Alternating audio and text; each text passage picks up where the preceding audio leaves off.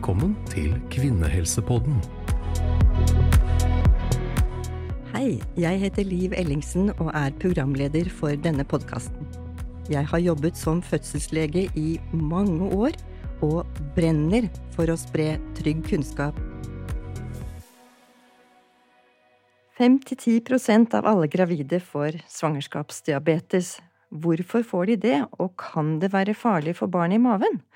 Får det noen konsekvenser for mor eller barn senere i livet? Har man for eksempel høyere risiko for å få diabetes? Svangerskapsdiabetes er altså ganske vanlig i Norge, og forekomsten øker. Vi har fått flere ønsker fra lyttere om å lage en episode om dette temaet, og har fått mange spørsmål som de gjerne vil ha svar på. For å svare på alle spørsmålene og gi god informasjon om svangerskapsdiabetes, har vi besøk av overlege Camilla Friis ved fødeavdelingen på Oslo universitetssykehus, Rikshospitalet. Camilla har doktorgrad om gravide og overvekt, og har vært med på å utarbeide nye retningslinjer og nasjonale prosedyrer. Hjertelig velkommen, Camilla. Tusen takk. Velkommen også til deg, Drøb Grimsdotter. Drøb fikk svangerskapsdiabetes i sitt andre og tredje svangerskap, og deler hvilke konsekvenser det fikk for graviditeten, fødselen og barseltiden. Velkommen til deg. Takk skal du ha. Først til deg, Camilla. Som vi sa, så får stadig flere diagnosen svangerskapsdiabetes. Hva er grunnen til det? Vel, for å kunne svare godt på det spørsmålet, så må jeg starte med å si noe om hva svangerskapsdiabetes er.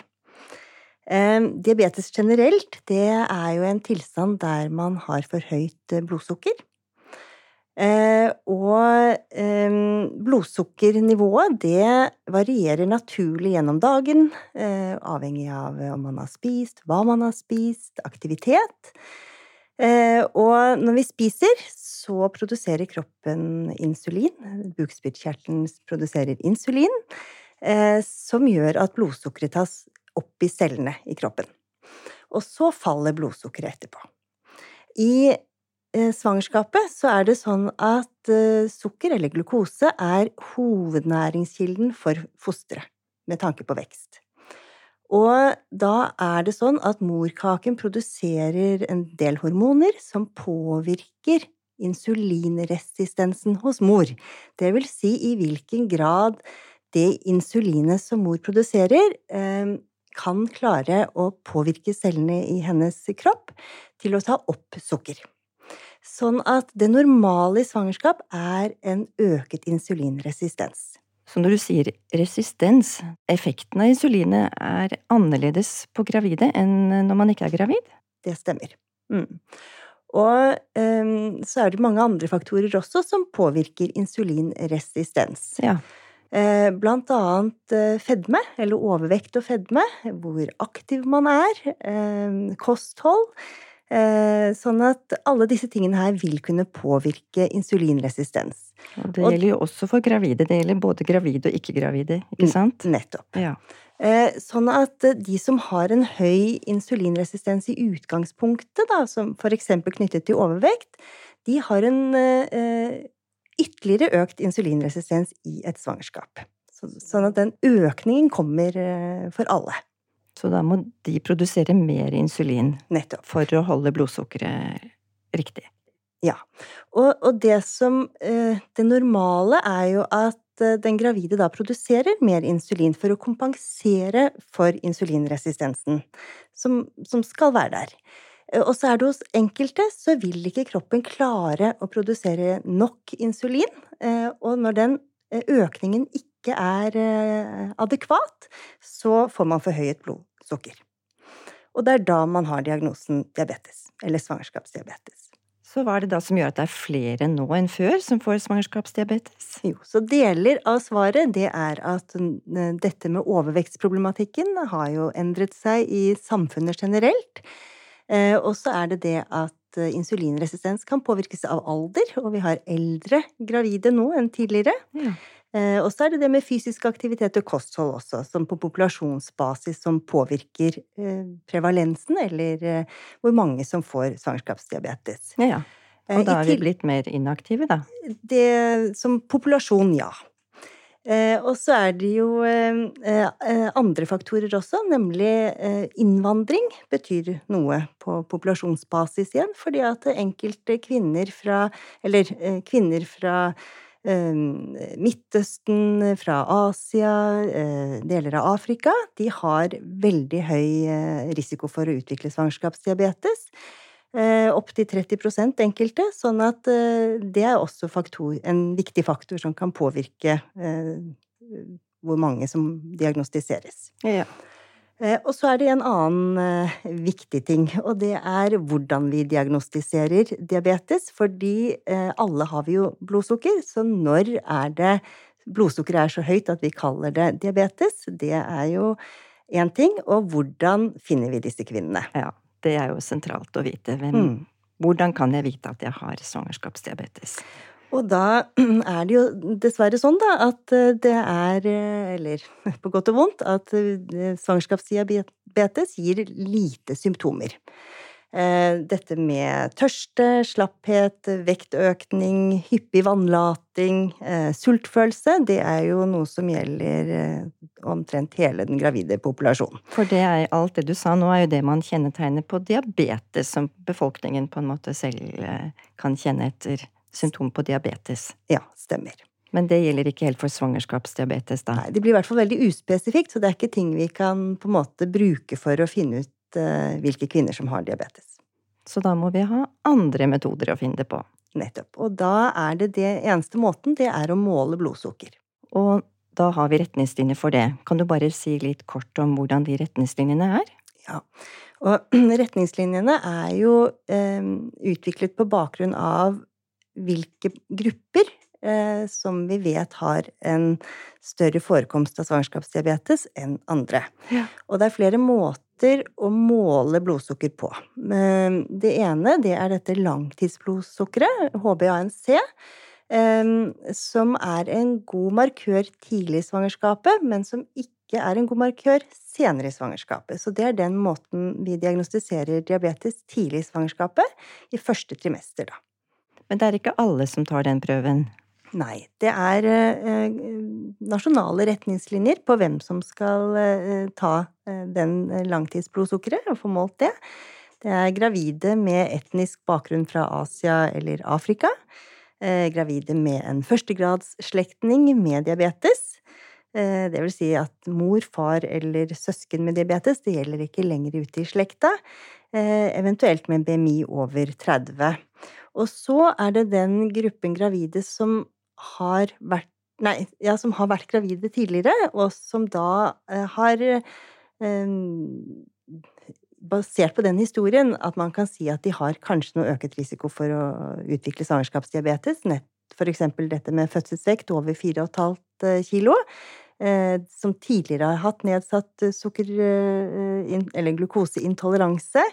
Eh, eller tidligere eh, svangerskapsdiabetes, de skal også da eh, få tatt en langtidsblodsukker i første trimester. Så dette er en blodprøve, og det vil det, de som du går til kontroll hos, de vil bestemme det på en måte. Det er ikke noe man bestiller selv. Nei. Og så er det jo ikke alle som er like oppdaterte på retningslinjer alltid, så det er jo tilgjengelig også hvem som skal ta det. Mm -hmm. mm.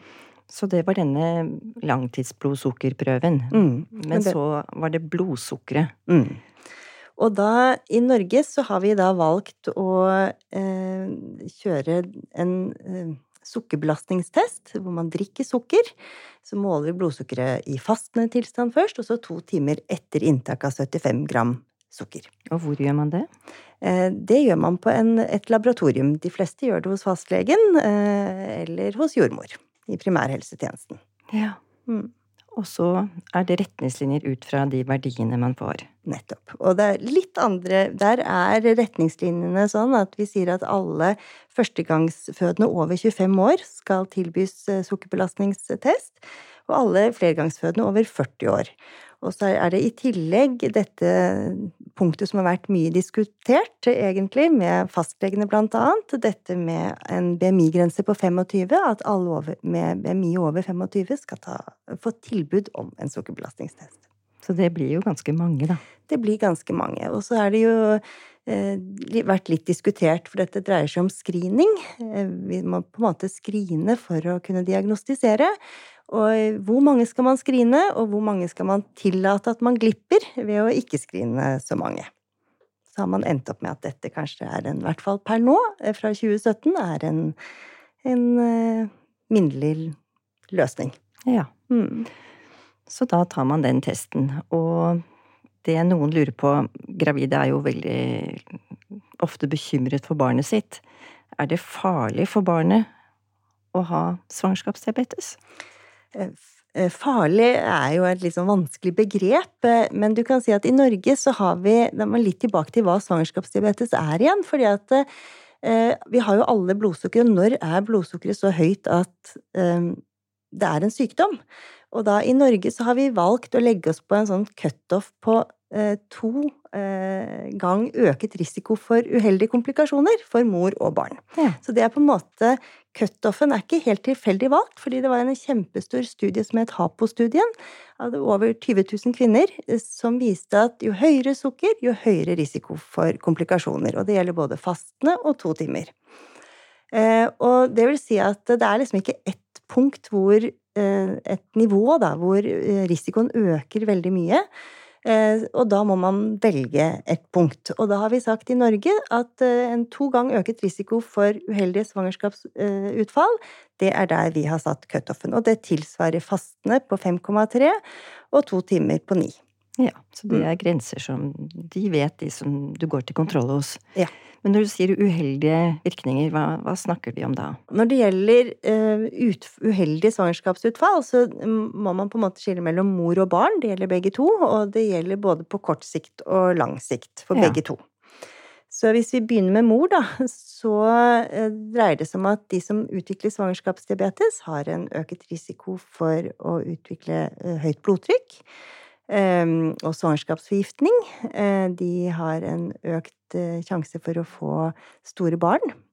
Eh, og da også komplikasjoner i fødsel relatert mye til dette med store barn. Med langvarige fødsler, igangsettelse, ehm, blødning etterpå, og vakuum og, og tangforløsning, og eventuelt også keisersnitt. Ja. Så dette var komplikasjoner hos mor. Hva mm. med barnet? Eh, eh, barnet på, eh, har jo da, som jeg allerede har sagt, en øket risiko for å bli stort. I, få mye sukker for vekst i, inni livmoren. og da i forbindelse med fødsel spesielt, så kan det være skader på barn. Og det vi er mest redd for når det gjelder dette, det er at skuldrene skal sitte. Fordi det ene er at de blir store, men de Eh, kroppskomposisjonen også blir litt annerledes. Sånn at de blir gjerne store over skuldrene, tjukke rundt magen, og at det er litt ugunstig med tanke på selve fødselen, da. De har lettere risiko for å få skulderskader i forbindelse med en fødsel. Um, og dette med keisersnitt, selvfølgelig, og, og sånn. Um, og så er det en annen ting som vi har blitt veldig mye mer opptatt av de senere år. Det er jo dette miljøet inni livmoren. Eh, fordi at eh, fostrene utsettes da for et eh, nivå med høyere sukker, vokser mye, og det påvirker gener. Det kan skru av og på gener, og i tillegg til at de da fødes med mer fett, da. Og disse genene gjør, eller denne Det at man skrur av og på genene, gjør også at de kan være tilbøyelig, lettere tilbøyelig til å utvikle diabetes type 2 på sikt, og fedme og overvekt. Sånn at det får langtidseffekter også på fosteret og være på en måte utviklet i et det vi kaller diabetogent miljø, eh, at mor har diabetes. Har man også mer risiko for å få type 2-diabetes? Ja. Og det gjelder også mor. Enkelte eh, gravide de går jo direkte over i en diabetes type 2. Eh, mens det vanlige er at det eh, normaliseres etter fødsel, at dette svangerskapet er en stresstest på en måte på sukkeromsetning og insulinproduksjon. Eh, og så at det normaliseres i etterkant. Men mange av disse kvinnene, de har, eller sånn generelt sett, så sier vi at de har en syv til ti gang øket risiko for selv å utvikle diabetes type 2 på sikt. Ja, og det er mm. mye. Det er ganske mye. Så nå har vi hørt at det er mye komplikasjoner knyttet til svangerskapsdiabetes, og derfor så er det jo veldig viktig at man følges godt opp. Kan du si litt om hvilken oppfølging man får når man har fått denne diagnosen?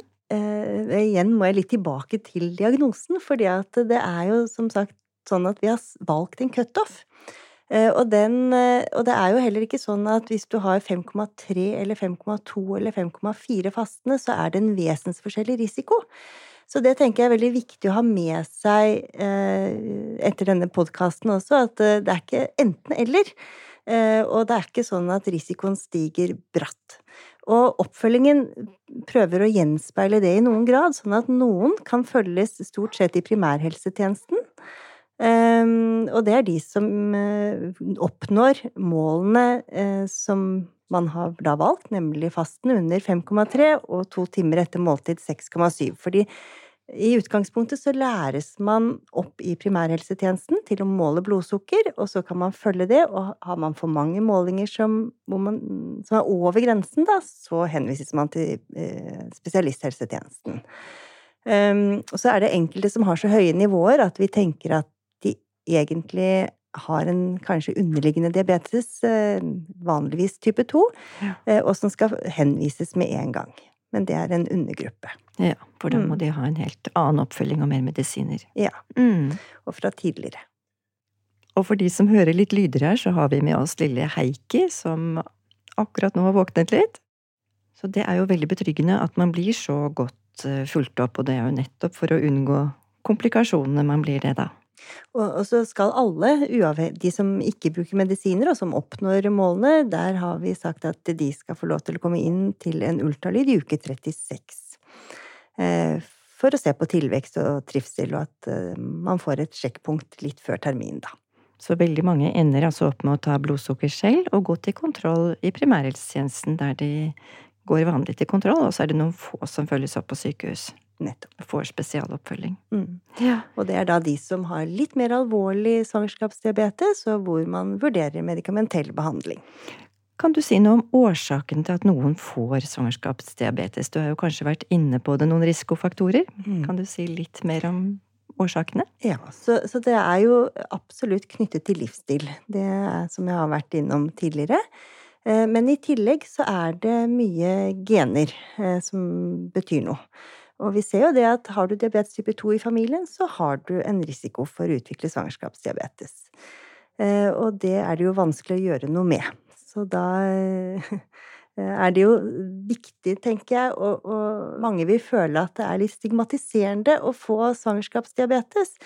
Og det er litt uheldig, fordi at ja. det er ikke så enkelt Du kan gjøre alt riktig og allikevel få svangerskapsdiabetes. Du kan være slank, du kan få svangerskapsdiabetes, du kan være overvektig, og du kan være aktiv og mindre aktiv. Og de som gjør alt galt, holdt jeg på å si, kan også unngå å få svangerskapsdiabetes. Så jeg tror det er litt sånn viktig å trekke frem det poenget. Ja, det er mm. veldig viktig. For det er nok mange som tenker sånn som du sier. Mm.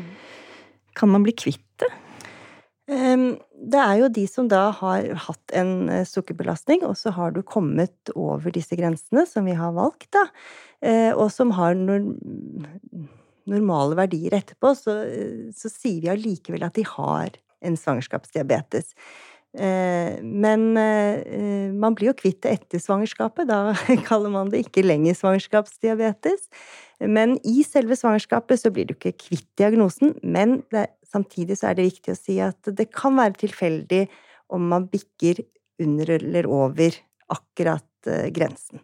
Sånn at de som ligger rundt de to grensene, fastende og to timer, eh, rundt 5,3 og 9, der uh, er det i hvert fall med tanke på risiko ved den diagnosen kan være veldig lav. Ja.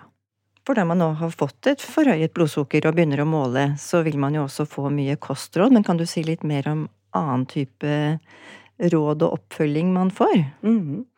Så hvis man vedvarende ligger over de grensene, så kan det bli aktuelt med medisiner. Og da blir man henvist til spesialisthelsetjenesten. Og den sukkerbelastningen den kjøres jo mellom uke 24 og 28, og det er fordi at det er da vi har gode referanser. Så et eller annet tidspunkt etter det så henvises man. Eh, og da vil en endokrinolog vurdere medikamentell behandling, og da er det gjerne metformin eller insulin som er aktuelt. Ja. Og da ser man litt på blodsukkernivåene. Er det noe mer å hente på kosthold eller trening? Eh, og hvor langt har man kommet i svangerskapet? Og så ser man også på eh, vekt og alder og familiehistorie, sånn at man på en måte tar en individuell vurdering i forhold til det. Så dette blir vurdert i samarbeid med spesialister, da? Ja, og det er endokrinologene som står for den vurderingen der. Ja. Så er det noen som har lurt på insulin. Kan det være farlig for svangerskapet? Kan det gi eksempel morkakesvikt, er det noen som har spurt oss om? Mm. Nei, vi tenker at vi, det vi bruker, det er insulin og metformin. Og begge de to medikamentene er eh, rimelig trygge. Eh, insulin har jo vært Eh, brukt i veldig mange år. Eh, du kan si det som er aberet med insulin, det er at det kan, man kan gå lavt i blodsukker. Man er, sånn man, og man må lære seg å stikke. Og det er ikke alle som føler seg så komfortable med det. Eh, men utover det så er det trygt å bruke i svangerskapet. Det er viktig å vite. Så mm. alt det som tilbys i, under oppfølgingen, det er trygt så er det noen som har lurt på all denne bekymringen rundt blodsukker. Kan det påvirke den psykiske helsen? Det skal jo være Man skal jo være glad for å være gravid. Kan det bli for mye man er for mye opptatt av det negative? Ja, det tror jeg faktisk at man kan. Og jeg tenker at der har vi en viktig jobb å gjøre, eh, vi som helsepersonell. Fordi at eh, og det dreier seg veldig mye om at vi har litt sort-hvitt-tenkning. Enten så har du svangerskapsdiabetes, eller så har du det ikke, og så det, blir det veldig eh, unyansert. Og, og, jeg tenker at eh, noe av det som er viktig, er at vi ikke sykeliggjør hele gruppen. Eh, og at eh, vi nyanserer eh, dette. Og det er jo sant, en to gang øket risiko for komplikasjoner er jo en del, men det er også mye vi kan gjøre, ikke sant. Sånn at eh, det å gjøre små tiltak kan bety mye for å redusere risiko. Både for eh, store barn og for eh, skulderdystosi og keisersnitt og sånn, så ser vi at små justeringer kan ha stor effekt. Så de fleste vil faktisk da føde normalt og få normalt store barn. Nettopp. Og så er mm. det vår jobb som helsepersonell er jo å plukke ut de som eh, har fostre som vokser mye, og, og, kanskje sette i gang tidlig nok, slik at de også kan føde og unngår å få andre komplikasjoner. Og justere medisiner sånn at eh, vi optimaliserer forholdene både for mor og foster. Så det er målet vårt med oppfølgingen. Hva med tiden etter fødselen, får man noe videre oppfølging da? Er det noe man må huske å gjøre i barseltiden eller senere hvis man har hatt svangerskapsdiabetes? Ja, så etter fødsel så vil eh, Så er morkaken ute, eh, og da forsvinner jo de hormonene som påvirker insulinresistensen hos mor. Eh, og da vil det blodsukkeret hos de aller fleste normaliseres etter fødsel. Så da stopper man gjerne med medisiner, både metformin og insulin, etter man har født. Det er en god trøst til de som syns at denne oppfyllingen har vært litt heftig? Absolutt. Og da kontrollerer vi jo blodsukkeret på barsel eh, først, og så sier vi at man skal kontrollere HbA1c, dette langtidsblodsukkeret, hos fastlegen etter fire måneder, og deretter årlig. Og det gjenspeiler jo nettopp det faktum at de har en øket risiko for å utvikle diabetes type 2 på sikt. Sånn at man så det er den eneste oppfølgingen man skal ha etterpå, hvis det har vært en ren svangerskapsdiabetes? Ja, i utgangspunktet er det det. Det er jo selvfølgelig da også mye man kan gjøre for eh, å unngå utvikling av diabetes type 2 etter et uh, svangerskap. Og det man på en måte har vist, det er jo at man har en disposisjon. Det betyr ikke at man må utvikle diabetes type 2 på sikt. Så da er det jo eh, Det gjelder oss alle, men det gjelder også de som har utviklet svangerskapsdiabetes, å prøve å ha en helsefremmende livsstil. Å være i aktivitet og ha et kosthold som Eh, som er eh, sunt. Ja. Med mye grønnsaker og eh, mindre raske karbohydrater, for å si det sånn. og så har mange fått rett og slett et litt tips til videre livsførsel gjennom ja. en sånn svangerskapsprosess. Ja. Og da skal vi over til vår andre gjest her, Drøbb. Du fikk svangerskapsdiabetes i ditt andre svangerskap. Kan du fortelle hvordan du opplevde det? Ble du overrasket? Ja, det, jeg ble kanskje litt overrasket, faktisk. For jeg hadde jo ikke hatt det i, i første svangerskap. Um, men jeg fikk det da jeg var på glukosebelastning, for jeg hadde vel både BMI over 25 og var Ja, jeg var ikke 40 år på mitt andre svangerskap, da, men jeg hadde, hadde, en del faktorer som gjorde at jeg, at jeg ble valgt ut til den eh, glukosebelastningen. Og det ble litt overrasket, ja. Jeg ble det. Eh, jeg hadde en sånn grenseverdi, 9,1. Ja. Så ikke så høyt. Og så, så da ringte jeg fastlegen og og fikk på en måte beskjed om hva jeg skulle gjøre da, i forhold til målinger og sånn. Men min fastlege hun var ganske sånn avslappa. Hun var sånn 'Ja, men dette er en grense. Dette går bra. Nå bare måler du, og så, så, tar vi det etter det'. Så har jeg i tillegg da eh, mamma er lege, og jeg har to søstre som er leger, så jeg ringte alle legene mine og bare 'Hei, nå har jeg fått den diagnosen. Hva betyr dette?' Og hadde en sånn lang uh, samtale om det. Så, så ja, det kom som et lite sjokk, det gjorde det. Og så syns kanskje det var mest liksom stress å få det. Det er liksom en ekstra belastning, på en måte, ja. Eh, som man egentlig ikke har så veldig lyst til å ha. Du vil gjerne kunne spise den bollen, på en måte, eller i hvert fall ta deg en brødskive, liksom. Det var på en måte den ekstra belastningen i hverdagen som gjorde det litt sånn. For du måtte forandre på kosten din? Ja. Mm. Måtte gjøre ganske store forandringer på, på kostholdet mitt. Jeg reagerte veldig på spesielt på brød, så jeg måtte kutte ut det helt. Eh, første gang jeg fikk det. Andre gang jeg fikk det, så tålte jeg litt mer. Eh, men, eh, men, spiste ganske sånn lavkarbokosthold, kan du si, da. Og det fungerte godt for meg. Da holdt jeg, holdt jeg meg innenfor målingene. Ja. Så du Men, slapp å få medisiner, som vi snakket om? Ja. ja. Jeg var kun kostholdsregulert, så jeg hadde, hadde aldri behov for det.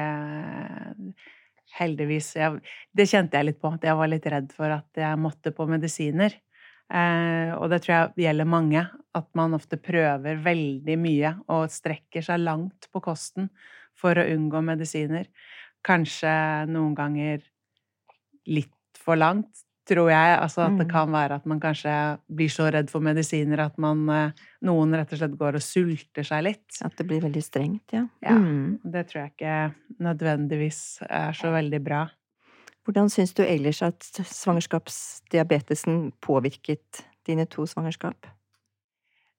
Altså, det var mest det her med at det var alt det ekstra, ikke sant, med å, å skulle spise lavkarbo, da. Og så var jeg jo ganske sulten. Det tok litt tid før jeg på en måte fant ut av hva jeg kunne spise, og samtidig holde meg mett. Det er ikke alltid du har lyst til å stå og steke egg og bacon eller lage en salat. Eller du, liksom, du vil ofte bare ta deg en brødskive på en måte og bli ferdig med det. Og spesielt da jeg pendla Nå nå var jeg jo gravid under eh, covid, egentlig litt sånn eh, halvveis begge gangene. Eh, som jo på en måte hjalp litt, for da hadde jeg mye hjemmekontor. Men det, liksom, hvis du skal ta deg noe å spise på farten, så er det nesten ingen muligheter til å spise noe som, som, du kan spise når du har svangerskapsdiabetes. Da. Så det syns jeg var slitsomt. Det var på en måte For ikke, jeg kunne ikke spise frukt. Jeg kunne ikke, eh, ikke, sant, ikke spise noe brødmat. Eh, og da Pasta er heller ikke så god idé. Eh, nesten all sånn Alt sånt på farten-mat er på en måte fy-mat, da. Det syns jeg kanskje var det mest utfordrende. Det ble en stor begrensning. Syns ja. du at du fikk god oppfølging? Jeg fikk uh, god oppfølging. Ja. Det gjorde jeg. Jeg ja. fikk uh, god oppfølging av uh, jordmor, og jeg fikk også god oppfølging på Drammen sykehus, hvor jeg tilhørte. Ja. der hadde jeg nok litt flaks også, siden på grunn av da covid så var det jo litt sånn restriksjoner i forhold til å eh, reiser litt omkring. Så da sa de på Drammen at jeg kunne komme og ta eksempel den glukosebelastningen der, sånn at jeg slapp å ta toget inn til Oslo. Og jeg fikk på en måte komme inn litt der, og, og fikk også oppfølging av diabetessykepleier da, eh, på første gang jeg fikk det. I forhold til liksom kostholdsråd og, og sånn. Så jeg, jeg opplevde at jeg fikk veldig, veldig god, eh, god oppfølging på det. Og, og at jeg ble på en måte trygga på at dette går bra, og det går fint, og du gjør det du kan, og, og sånn. Men det Ja, jeg, jeg, tror eh, jeg hadde ganske flaks sånn sett, sånn med tanke på at de jeg møtte, hadde ganske god kompetanse, da. Mhm. Så det var jeg veldig fornøyd med. Ja, Gjaldt det også både under graviditeten og etter fødselen, at du fikk så god eh, informasjon og oppfølging? Etter fødsel vil jeg si at jeg ikke har fått noe egentlig informasjon eller oppfølging. Ehm, jeg var vel inne og tok langtidsblodsukkeret hos fastlegen eh, etter, første, etter første gang. Ehm, og det går bra. Hei. Jeg har ikke rukket det enda, for det er vel seks måneder etter eh, fødsel. Heikki her er fire måneder. Vi sier fire måneder. Det er fire måneder, ja, ok, ja, men da er det jo egentlig cirka nå, da. Um, så det har jeg ikke fått gjort ennå.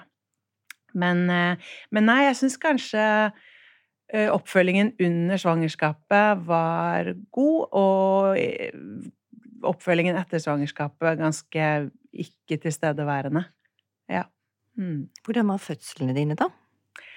Eh, fødslene mine var eh, eh, veldig forskjellige. Eh, med Hilja, min altså første, første gang jeg hadde svangerskapsdiabetes, så eh, ble jeg satt i gang eh, etter egentlig litt sånn både eget ønske og etter å ha konferert med, med gynekolog.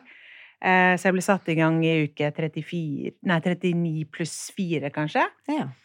Eh, Det tok kjempelang tid. Jeg ble satt i gang på fredag, og det skjedde ingenting første døgnet. Og så da til slutt tok de vannet på, på lørdagen etter da ett og et halvt døgn, og da gikk det ganske fort. Da var hun ute på, på tre timer. Men da satt morkaken fast. ja. Så jeg mista nesten tre liter blod. Eh, så da var det jo litt styr i forhold til det. Men det gikk veldig fint med Hilja i forhold til hennes blodsukker etterpå. Og, og det, var noe, det var ikke noen komplikasjoner direkte knytta til mitt eller hennes blodsukker, i hvert fall. Var hun stor? Nei, altså ja, Hun var 3,8 kilo. Mm. Så han, passe. Mm. Så var det fødsel nummer to. Du Ja. ble satt i gang da også? Jeg ble også satt i gang eh, med, med Heikki. Da Hvorfor ble du satt i gang? Du, det var litt eh, Min lege var veldig sånn at hun sa Altså, du blir jo som regel satt i gang en gang mellom uke 38 og 40, er det jeg har fått beskjed om. I hvert fall hvis du er, eh, har et insulinkrevende svangerskap. Jeg hadde ikke det, men eh, jeg tror det var litt fordi at jeg hadde veldig lyst til å føde. Yeah. det jeg syntes det holdt, på en Mm, måte. Og mm. så, så var han jo målt til å være litt, litt stor. Eh, og vi tenkte vel alle sammen at nå kan han godt komme. Så, så jeg ble satt i gang. Eh, denne gangen gikk det kjempefort. Så fra eh, Jeg fikk eh, sånn piller, da. Og så, så da tok det en og en halv time fra jeg tok første pille til han var ute.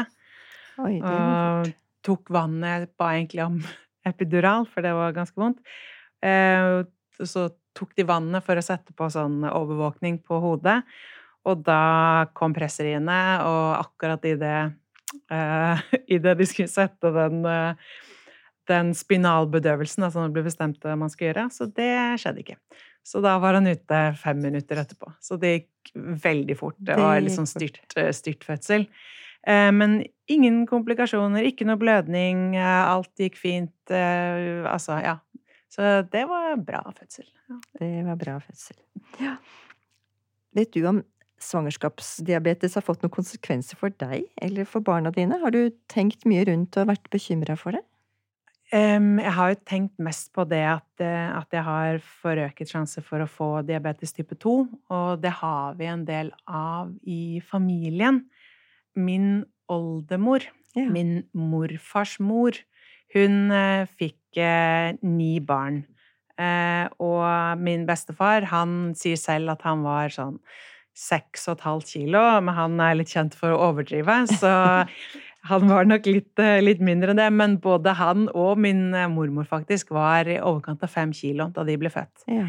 Eh, og eh, Så jeg tror nok kanskje at det kan ha vært noe Kan nok kanskje ha vært noe svangerskapsdiabetes der som man ikke visste om da de er født henholdsvis i 1927 og 1937. Eh, men da eh, Altså etter at eh, far, eh, morfar ble født, så ble hun gravid igjen. Det er min oldemor. Og denne gangen så var barnet så stort at han de, Hun klarte ikke å føde han. Og dette skjedde da på landet på Island eh, på slutten av 20-tallet. Og da måtte oldefar eh, hive seg på hesten og ri til nærmeste bygd, som var eh, tre-fire timer unna med hest. Og da var ikke legen der, han var i nabobygda, så han måtte ri enda lenger videre for å prøve å, å hente denne legen. Og da, når de kom tilbake, så var det for sent. Så da hadde dessverre eh, han døde, da, i, eh, ved fødsel. Og hun fikk altså, altså diabetes type 2-diagnosen senere. Ja. Så, så, jeg tror nok det kan være en arvelig faktor der. Min mor har seks barn og, og, og, fikk aldri den diagnosen. Men jeg har også en søster som ikke er min mors datter, men min fars datter. Og hun fikk også svangerskapsdiabetes på sin, eh, sin andre graviditet. Og hun var sånn, er normalvektig og, og, og, hadde på en måte ingen var aktiv og hadde ingen sånn indikatorer da, på at hun skulle utvikle det. Så, så, jeg tror nok for min del at det kan være noe arvelig eh, belastninger eh, hos meg, da. Ja.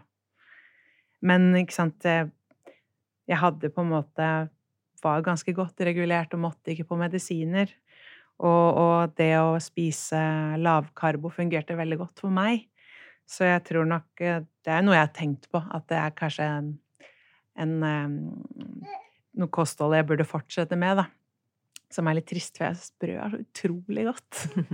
Så det, det syns jeg var det vanskeligste. Å ikke kunne spise brød. Det var liksom det største savnet. Så jeg har spist mye brød da de siste fire månedene. Du har engasjert deg mye i dette med svangerskapsdiabetes, og nå har du muligheten til å stille noen spørsmål til Camilla. Har du noe du har tenkt på? Ja. Hei, Camilla. Hei. Du, det, det er én ting som jeg lurer veldig på, som, eh, som, jeg tror det er mange som lurer litt på, og det er dette med ketoner i urinen. Og det er jo noe som blir målt eh, hver gang du er hos jordmor, i hvert fall for min del på de urinstiksene, og jeg fikk alltid utslag på pluss tre på ketoner. Og eh, i denne svangerskapsdiabetesgruppen som jeg er medlem av på Facebook, eh, som er veldig fin, vil anbefale det hvis du får den diagnosen, og der er det mye mange som deler gode råd, spesielt med tanke på litt sånn mat og, og gode erfaringer. Men da er det veldig varierende. Noen får beskjed om at du skal ikke ha ketoner i urinen, og andre får beskjed om at det går bra. Eh, så hva er egentlig Hva er sannheten? Ja, eh, ketoner, det er eh, ikke noe vi er veldig opptatt av. Ikke ketoner i urin i hvert fall, og ikke ved svangerskapsdiabetes. Ketoner er også normalt i svangerskap, og spesielt i tredje trimester, den siste delen av svangerskapet, så er det naturlig at det produseres mye ketoner. Det er en del av svangerskapet. Kan du eh, bare si litt hva ketoner er? Ja, eh, ketoner det er energistoffer, på en måte, som eh, produseres i lever. Bryter ned fett og produserer ketoner. Og ketoner er næring på samme måte som glukose, som kan passere over til fosteret for å sikre ja, at man opprettholder normal energitilførsel, og til hjernen til mor og i det hele tatt. Sånn at man har en eh, Ja, eh, sultfasteterskelen er endret i svangerskapet, da. Eh, sånn at det er hensiktsmessig at man produserer ketoner. Opprinnelig så var man opptatt av ketoner, men det dreide seg om diabetes type 1. Og så har nok det hengt lite grann igjen. Men det vi er opptatt av, det er ketoner i blod hos de med diabetes type 1, ikke i urin. For det er veldig dårlig sammenheng mellom ketoner i blod og ketoner i urin. Så det er ikke noe vi vektlegger. Jeg tror det er veldig bra å vite, for det er veldig mange som bekymrer seg veldig for dette, mm. og får beskjed om at du, du, skal ikke ha utslag på ketoner, så da må du spise mer karbohydrater hvis du mm. får det i urinen. Og for mange så betyr det at da klarer de ikke å holde blodsukkernivåene mm. sine normale, da. Mm. Så det tenker jeg kanskje er informasjon som er veldig viktig å få ut i, eh, altså til fastlegen og helsestasjonen som følger opp. Fordi mitt inntrykk er i hvert fall mange opplever det som veldig krevende å skulle prøve å holde dette ketonnivået nede samtidig som man spiser korrekt. Da. Eh, så dette tenker jeg at hvis hadde flere hadde visst det, så tror jeg man kunne spart mange gravide for unødvendige bekymringer, da. Det er Ja, det er på en måte litt Det som jeg føler er litt sånn gjengangeren, da, er dette med at det er så innmari forskjellig praksis at når vi deler erfaringer i denne gruppen, så er det så veldig, veldig ulikt hva slags rutiner man har, eller hva slags eh, tanker man har i forhold til for eksempel igangsetting. Noen så får du beskjed om at du må settes i gang i uke 38. Andre hadde sånn som meg, hvor det er mer en samtale. Eh, noen får dette, beskjed om dette med ketoner. Altså, det er veldig, veldig ulik praksis, og mange får også beskjed fra fastlegen sin selv om de på en måte scorer utenfor disse verdiene, at nei, men da har du ikke svangerskapsdiabetes. Det er bare litt strengt. Så det virker som det virker som det kanskje er litt mangel på sånn veldig tydelige råd. Ja, jeg tenker jo noe av det vi prøvde på, holdt jeg på å si, i 2017, da det ble utviklet nye retningslinjer på nasjonalt nivå, det var eh, å gjøre det litt enklere eh, å forholde seg til eh, hva som er For svangerskapsdiabetes, som jeg sa tidligere, det er litt vanskelig. Fordi alle har vi blodsukker, og så kan det variere. Og så er det nok sånn at det er ikke alle som kan nok om dette, verken blant helsepersonell Eh, verken i spesialisthelsetjenesten eller i, i, i, primærhelsetjenesten. Fordi det er litt vanskelig.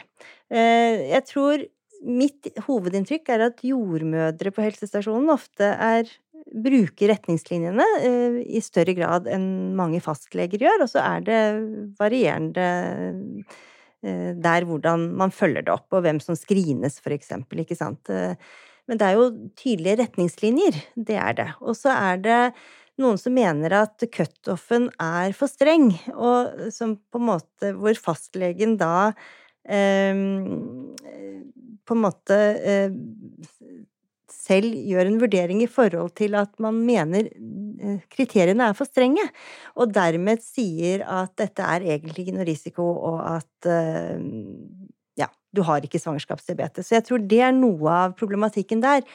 Eh, men eh, samtidig så hvis man vet litt om svangerskapsdiabetes, eh, og hvordan diagnostikken egentlig er, nemlig basert på en eller annen cutoff, litt tilfeldig for så vidt, men allikevel basert på en to ganger øket risiko for komplikasjoner, så er det det det er et uttrykk for. Sånn at det dreier seg mye om forståelsen av fysiologi og, eh, og ja, og hvordan eh, sykdom Denne type sykdom er. Det er ikke mm. enten-eller. Jeg tror at vi har et ganske eh, Eller at det er stort behov for informasjon. Både for helsepersonell kanskje også, som ikke driver med dette til daglig, ikke sant, og til gravide. Det tror jeg også. Jeg tror gravide er en gruppe som har et utømmelig behov for informasjon. Det tror jeg. Det er veldig mange som vil gjerne Jo mer informasjon, jo, jo bedre, på en måte. Og det Jeg tror eh, Ja. Det er i hvert fall min opplevelse at det er mange som på en måte er litt forvirret over denne sprikende informasjonen. Da. Og, og det gjenspeiler jo litt dette med svangerskapsdiabetes eh, som, ja, som en diagnose. Mm. At det er veldig varierende hvor alvorlig det er, om medisiner eller ikke-medisiner. Det er der vi pleier å på en måte sette cutoffen på mange måter i forhold til hvordan vi håndterer svangerskapet, og retningslinjer i forbindelse med fødsel og igangsettelse og sånne ting. Har du flere spørsmål? Ja, du, jeg, det, det, er et til eh, som jeg lurte på her, eh, og det er litt sånn i samme gate. For jeg, da jeg ble gravid altså for tredje gang, i mitt andre altså da jeg fikk diagnosen andre gang, så eh, var jeg hos fastlegen i rundt uke tolv.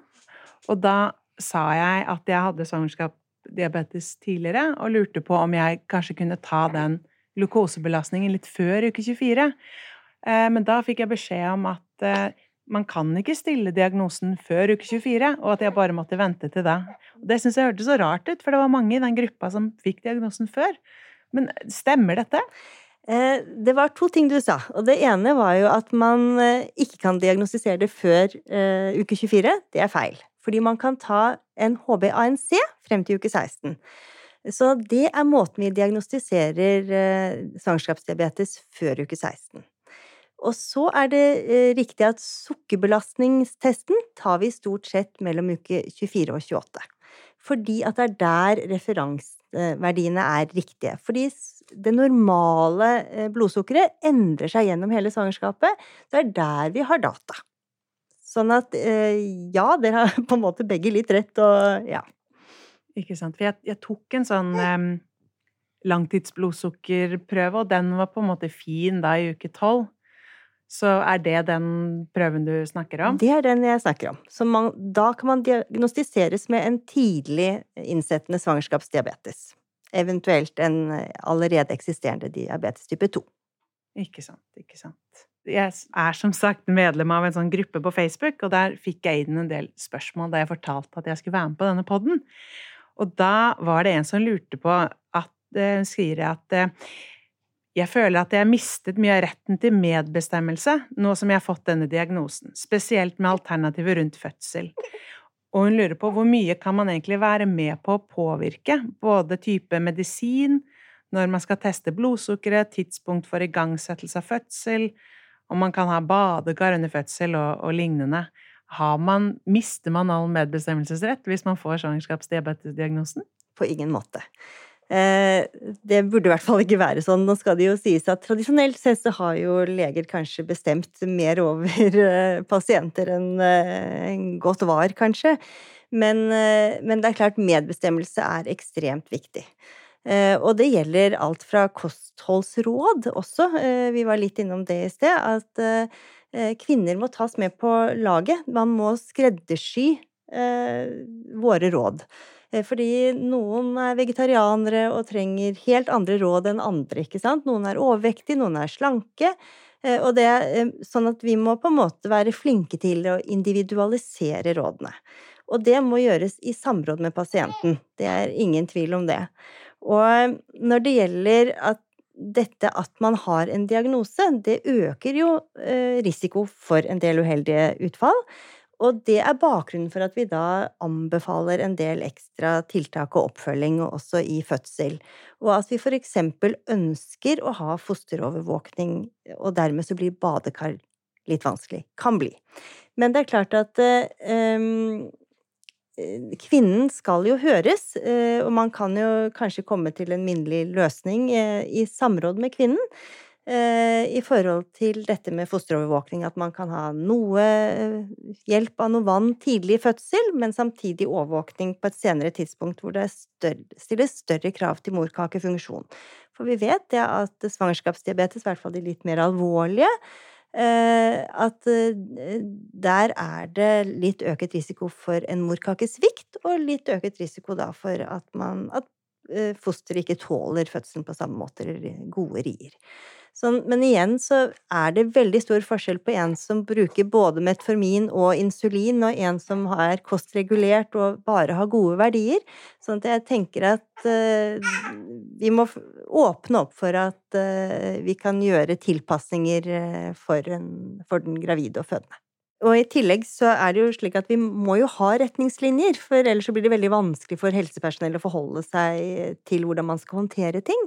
Og for den gravide, for så vidt.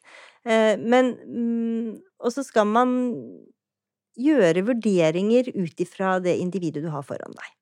I, sånn at man har lov til å fravike retningslinjer, men det skal kanskje gode grunner til å fravike. Og da er det også en informasjonsplikt vi har, sånn at, da, at den gravide da forstår eh, hvorfor vi har de retningslinjene, og eh, hva det innebærer at man eventuelt fraviker retningslinjer.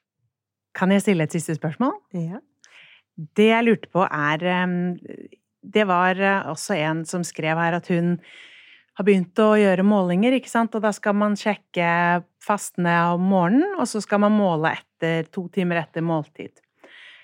Men hun hadde også fått beskjed om at hun skulle måle før måltid, og at hvis blodsukkeret hennes var over 5,3 før måltid, så var det ikke bra. At hun måtte passe på at blodsukkeret lå under der. Så hun prøvde da å ja, rett og slett regulere ved å ikke spise så mye tiden før. Men dette fikk jeg aldri beskjed om, at man måtte måle annet enn fastende, og så etter måltid. Men er dette Stemmer dette? Man, må man ha et visst blodsukkernivå før man spiser?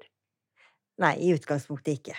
Du kan si at eh, blodsukkeret vil eh, variere i løpet av en dag.